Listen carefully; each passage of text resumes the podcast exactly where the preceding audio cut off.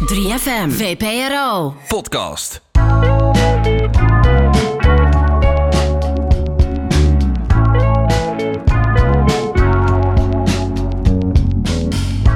Dit is een podcast van VPRO 3 voor 12 en 3FM, waarin ik, Sagit Carter, in gesprek ga met jouw favoriete artiesten.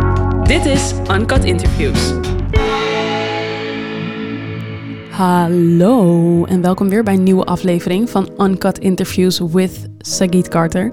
In deze aflevering praat ik met de jonge Britse zangeres Joy Crooks. Echt, als je dol bent op artiesten als een Celeste, Amy Winehouse, Georgia Smith, dan is Joy Crooks de volgende artiest die je aan je lijstje moet toevoegen, want deze past ook zeker in dat straatje. Vorig jaar nog verscheen haar debuutalbum, Skin, prachtige plaat. En een paar maanden voordat die plaat uitkwam, had ik dus de kans om uh, met Joy te spreken over haar debuutplaat. En als we kijken naar haar sound, dan vind ik dat het online magazine Days het perfect omschreef, namelijk als conversational soul music. Maar tegelijkertijd is het ook een label waar Joy Crooks zelf zich niet helemaal comfortabel mee voelt. I wish I could pull away the clothes that dress your mind as easy as when we both undress each other. I think I agree with the conversational part. I think that I struggle sometimes with genres because, like, just knowing where like the roots of genres come from, and especially especially occupying like space within black genres. Like, it's not to say I don't take influence from those genres, but I think to me, when I think of soul, I think of black musicians Mhm. and uh, black genre, and I think that um, you know I, I prefer to almost be called pop or, or alternative because we're reclaiming a space that isn't defined by a color Mhm. um, necessarily, and I don't think soul is just defined by color, but I just think sometimes it's I feel like I don't want to just like assert myself into a genre that I know I know the roots of, you know Mhm. Um, and that's why I just I prefer I almost like I, I like how it's slightly political to call myself pop or alternative because naturally people think of people that don't look like me or Mhm. yourself, you know. Yeah. Um, and so conversational part I love, and obviously I love soul music and I'm massively influenced by soul music. But yeah, that's that's how I genuinely feel about that. I completely understand. I mean, the, the line between appreciation and appropriating is is the, the, the line is so thin. So I completely understand um, where For you're sure. coming from. I think you know, like sometimes it's not about it's it's about passing the mic and knowing you know knowing where your influences are from and not denying that at all, Mhm. but also knowing that there are you know how the industry works and how music is and how there is such few spaces for people like you you and me but more importantly knowing that maybe i have more privilege or other people have more privilege in other spaces and making room for those people that don't Yeah. um and so yeah i'm massive influence but i don't like to call myself neo soul or soul or r&b because i don't think that's what i am and i don't think that is um in some ways fair either So do do a lot of your songs start from conversations then? Yeah, I think so. I think so. And I think that, you know, the I'm a huge fan of writing with people because it's when I write the, my best songs with people, they're generally people I really get on with. Mhm. And it's almost like you said, when I think of it like that, it is like a conversation because we end up like, you know, talking and I'm and then I start swearing and saying like my opening my big mouth and they're like, oh, what you said there is like a lyric, or what you said there is like a lyric. And um and we bounce off of each other in that way and, and it almost starts from somewhere natural as opposed to trying to like dig for something, you know? Yeah. Is that also where is that also the root of of your newest song because I want to say it right because on your Instagram you said written from the perspective of someone who finds it easier to remain complicit out of fear of speaking up and what those consequences might be. Um, and I Yeah. think so many people could relate to what you said um, about the very turmoil times that we've had in, in 2020 and which keeps going. I think the the reason why this song took me so long to write lyrically, I had the melodies and I had the chorus quite quickly. And I knew I wanted to say feet don't fail me now. But the reason why the actual lyrics and the song took so long is because I had to basically do research to write the song. Oh, Like it's more than it's more than a conversation. It's like lots of listening lots of listening to how my friends felt when you know the black square happened. And you know like we were just cussing it out like you just put a black square up and suddenly you stand like against racism. Like it's so complicit. Mm-hmm. and the sad part is that actually the black square was started by two black women. So but then it was kind of put into the hands of everyone else where they were like well if i put this black square up and stay quiet then i'm supporting black people. And just more and more conversations like that you know talking about the protests in the uk talking about how we have a a very national um, a very like racist organization called EDL and they were threatening to take Gandhi statue down. And I was like okay take it. I don't care. Like just lots and lots of conversations around the political events of last year to do with the Black Lives Matter movement and also to do with just general protest. And I think that you know not to take away from the movement but the amazing thing that the movement did for myself as a brown woman is for once I felt like I could say what I wanted to say. Hmm. like I could be loud. And it felt so amazing to be loud but also it felt amazing to have conversations with people and not necessarily be educated but to sit and listen Mhm. conversations that a lot of us thought we could never have with our family members with our friends family members with our friends and the song was an amalgamation of all of those conversations but not necessarily me speaking but listening to people speak and listening to how people feel when they see their best friend or their cousin or someone close to them suddenly either become like Martin Luther King overnight or the most explicit person you've ever met. And watching this kind of like generational pressure to either say something or be cancelled it was really really interesting. And i think that i didn't want to offer a solution because it's not my place to offer a solution in terms of all the events of last year. So i wanted to instead taking of that taking that angle of preaching and being like this is what we should do everyone you know because that's not my place and also i find it quite annoying when people are preachy in songs sometimes especially when it comes to like political events Mhm. i just thought i'm gonna kind of take like a more anthropological no i got the word right yeah, yeah, you got it right. You got it right. You got it right. Yeah, yeah. Anthropological. Gonna Yeah. yeah yeah i'm going to take more of that um perspective and think about this character that a lot of us are annoyed by Mhm. but also how each and every one of us are a little bit of this character. How we have all been guilty of being complicit how we've all come back home and gone into the mirror and been like i should have said this but you didn't do it. Yeah. you didn't do it. You know, and and the times where we've seen someone who looks like us or our brothers and sisters be um you know discriminated or profiled and we've said nothing or the people beside us have said nothing and we haven't checked them not checking our families. And to me that made it more human and it made it more of a universal message and it made the song feel more like a this isn't an offering. This is a surrender. This Mhm. is a this is an honest piece of music.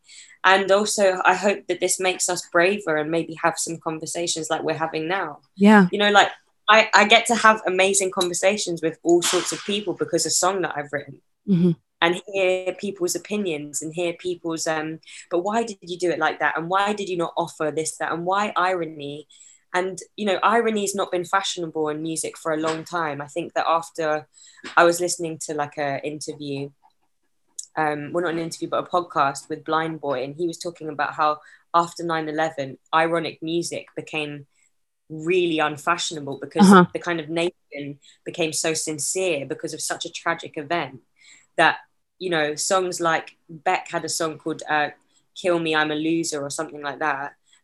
They no one you can't play that on radio. That's irony was completely no it can't happen because of what happened. So i think even listening to that and kind of having having that perspective and not really listening to ironic songs in my generation it was quite fun to be a different person and be a character but also have traits of that character myself. Man, I I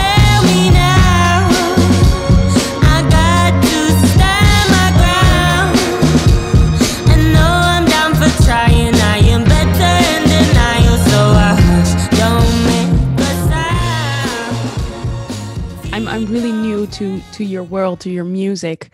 Um, and when I looked at the video, um, for people who haven't seen it, you are very uh, you're you're celebrating Bengali culture, if I'm saying it correctly. Um, was that something that you like waving your South Asian flag, so to say? Were you doing that before having all these conversations and feeling empowered? for sure but i think that in the video there's a reason why well a i'm like representing myself i i'm i don't try and represent my culture i think that's a lot of responsibility i just want to represent myself yeah, yeah. but, um, but i but i also on purpose have a lot of bangladeshi men to help me tell the story in a visual capacity Mhm. because um I have been complicit and I have been quiet in fear of what the men in my culture will say or do when I do open my mouth. So that is actually the reason why they're in the videos. Obviously, um, I guess visually, it is a representation, and there are Bengali men and women, and it is a celebration. However, it is to tell my story of the song. It's not just to put Bangladeshi people in, and suddenly I'm pretending to represent my Of community course. Yeah. it's because I have been a victim of well I've I've been guilty of being complicit within my own culture because I'm scared I'm scared of what men will say I'm scared of what my uncles back home will say you know and I think that a lot of Bangladeshi women have felt that way because of the nature of our culture and the kind of patriarchy and so Yeah. yeah, it's it's it's definitely a celebration but it's there for a reason as well Yeah. So who um who gave you the courage or was there something that happened where you just felt like no, I'm not I'm I'm I'm doing this. I'm going to do it this way. I guess like I guess when you're an artist, you kind of create like your own little world where you can do really whatever you want if you want to go there. Mhm. You know, I'd done the music and the label were happy with the music and the most important people were happy with the music. So in the artistic side of things, like the video, you know, I needed to tell those stories and I, I made that really clear with the director and he was like, How are we gonna find 12 Bangladeshi men? And I'm like, I don't know, find them. no, I think that like I'm I'm very outspoken. I'm, I have a big mouth. I really struggle with the word no. I I just don't really I don't really listen to it that often. So um, I think with my like work and my art, I think because it feels like a protected kind of area and world and it can be so easy. Everyone you know if someone tries to accuse you of something you can be like but it's just for art you know uh, if my mum comes up to it's just for art. So i think that's easier to find courage in that space than maybe practicing it in my personal life on a day to day you know. I still Yeah. feel anxious walking out of my house and Yeah. stuff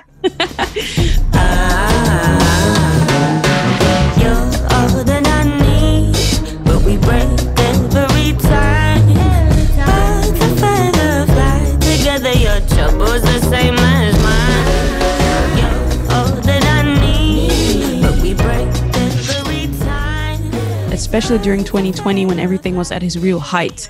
Um, I could sense that people were looking towards their favorite artists, their favorite actors for like direction to say something, to to open their mouths. Um, but I can also imagine that for artists, that feels like some kind of pressure because you didn't choose to be a politician, so to say. Um, do you? How do you deal with it? Is that something that bothers you? Is that something that's hard, yeah, to work around? I mean, like I get I get told off if I don't post about so many different things. I get Mm. told off that, you know, I get people in my DMs saying, "Oh, you're this, you're complicit, you're that." And actually, I think, um, I think there is a fine line. I think sometimes it's about knowing when to pass the mic, and and you're not you're not the be or end all, and, and you're still going to get people shouting in your ear, being like, "Well, you're not you're not doing this, you're not doing that." But it's like, well, maybe I'm not the best person to do that Mhm. and ma- maybe me admitting that I'm not the best person to do that is a lot more of um, an informed position to take as opposed to uh, kind of like again turning into a political activist overnight. It's like Mhm. sometimes when you sit down and you know when to sit down and you know when to pass the mic, it's actually you're not choosing violence. You're choosing the right thing to. Do you know what I mean? Mhm, mhm. Like, I, how can how can I be expected to be the person that speaks up for everybody? Even when people say, you know, you represent your culture, that's why I find it quite difficult Mhm. because culture is so multifaceted. It has different kinds of people, sexualities, diff- like transgender people, all sorts of different men, women, all sorts. You just don't like. How can I be the representative of that when I only am a few of those things? You know. Yep. So I think, yeah, knowing when to sit down and pass the mic, I think is so important. You're still gonna get, you're still gonna get shit for it, but I mean, you, Like- you're doomed if you do, and you're doomed if you if you don't. You wanted my body, not my mind. Now you're reaching your hand to my face, knowing that I'm just a face. You need to learn to separate the time.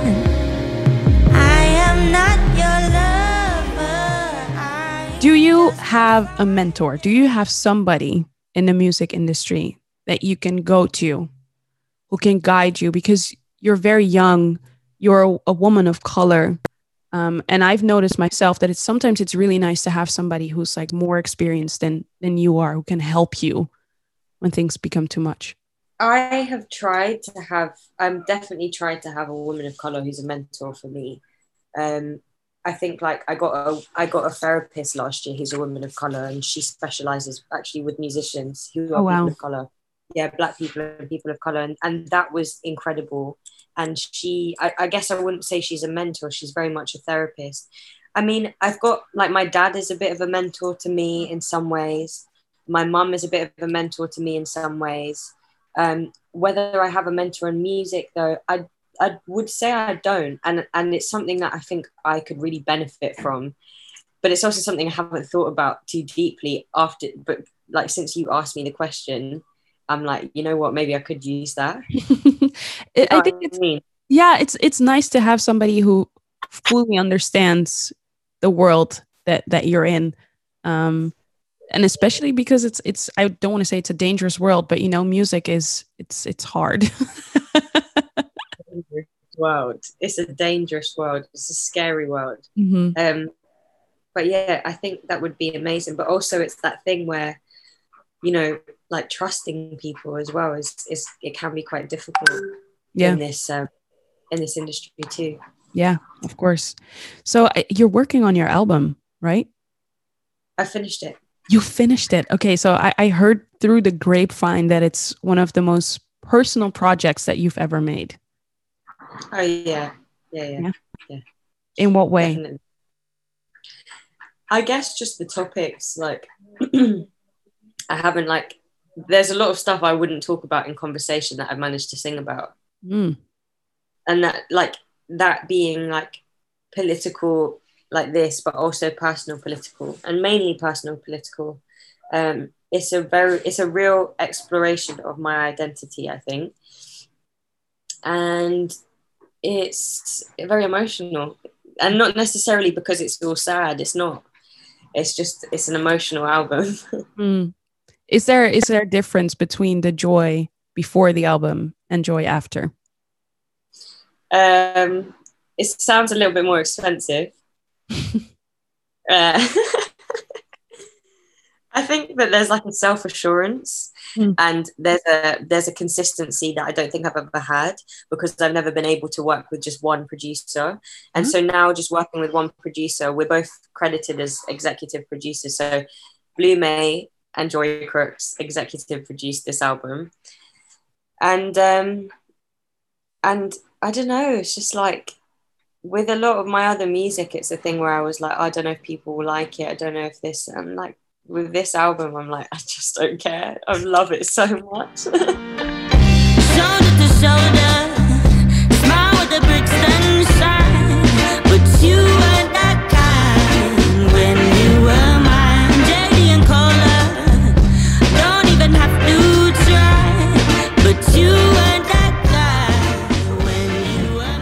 So then I have uh, one last question for you. I just want to circle back to the importance of conversations. Um, and I was wondering, what is a conversation that you you recently had that has really stuck with you? hmm. I think I had a really great conversation with my friend Jenna. and we were talking about conditional love and unconditional love because she's reading All About Love by Bell Hooks at the moment. And um, like we're talking about feminism and also just patriarchy and how when you look at the uh, the men in your family, it says so much. And it was just a really, really, really deep conversation. Like that it was multifaceted. I can't really go into it, but it was um it was really interesting to think about conditional and unconditional love and how Bell Hooks says abuse and love can't exist in the same space. Right.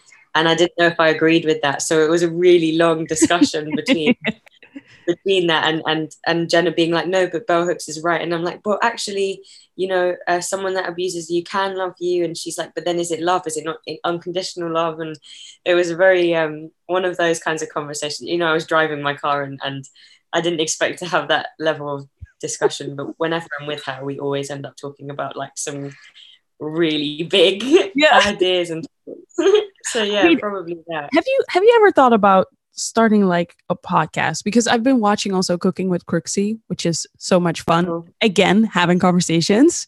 I mean, I try. I'm gonna do something. I have an idea for something. I don't love cooking with Crooksy as much as I think other people do, but I I Why? I haven't.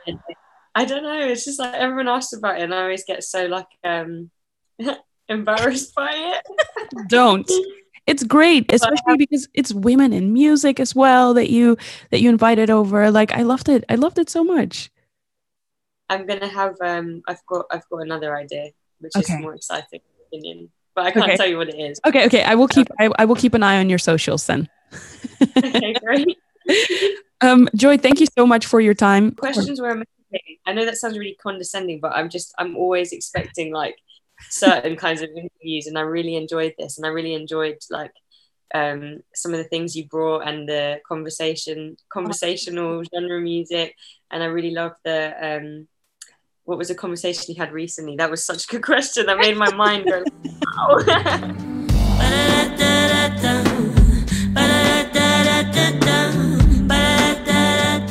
Dat was mijn interview met Joy Crooks. Haar debuutalbum Skin is nu overal te streamen. Vergeet je niet te abonneren op de podcast om zo op de hoogte te blijven van alle interviews met al jouw favoriete artiesten. Oké, dat was hem weer. Tot volgende week.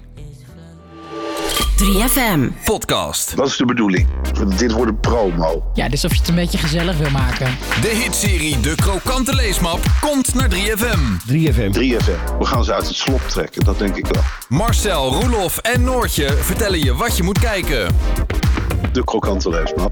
Nee, wervender. Ja. Wervender. Wervender. Oh, de krokante leesmap is weer terug. De podcast De Krokante Leesmap. Check je vanaf nu via de 3FM app of jouw favoriete podcastplatform. Nou, zin in.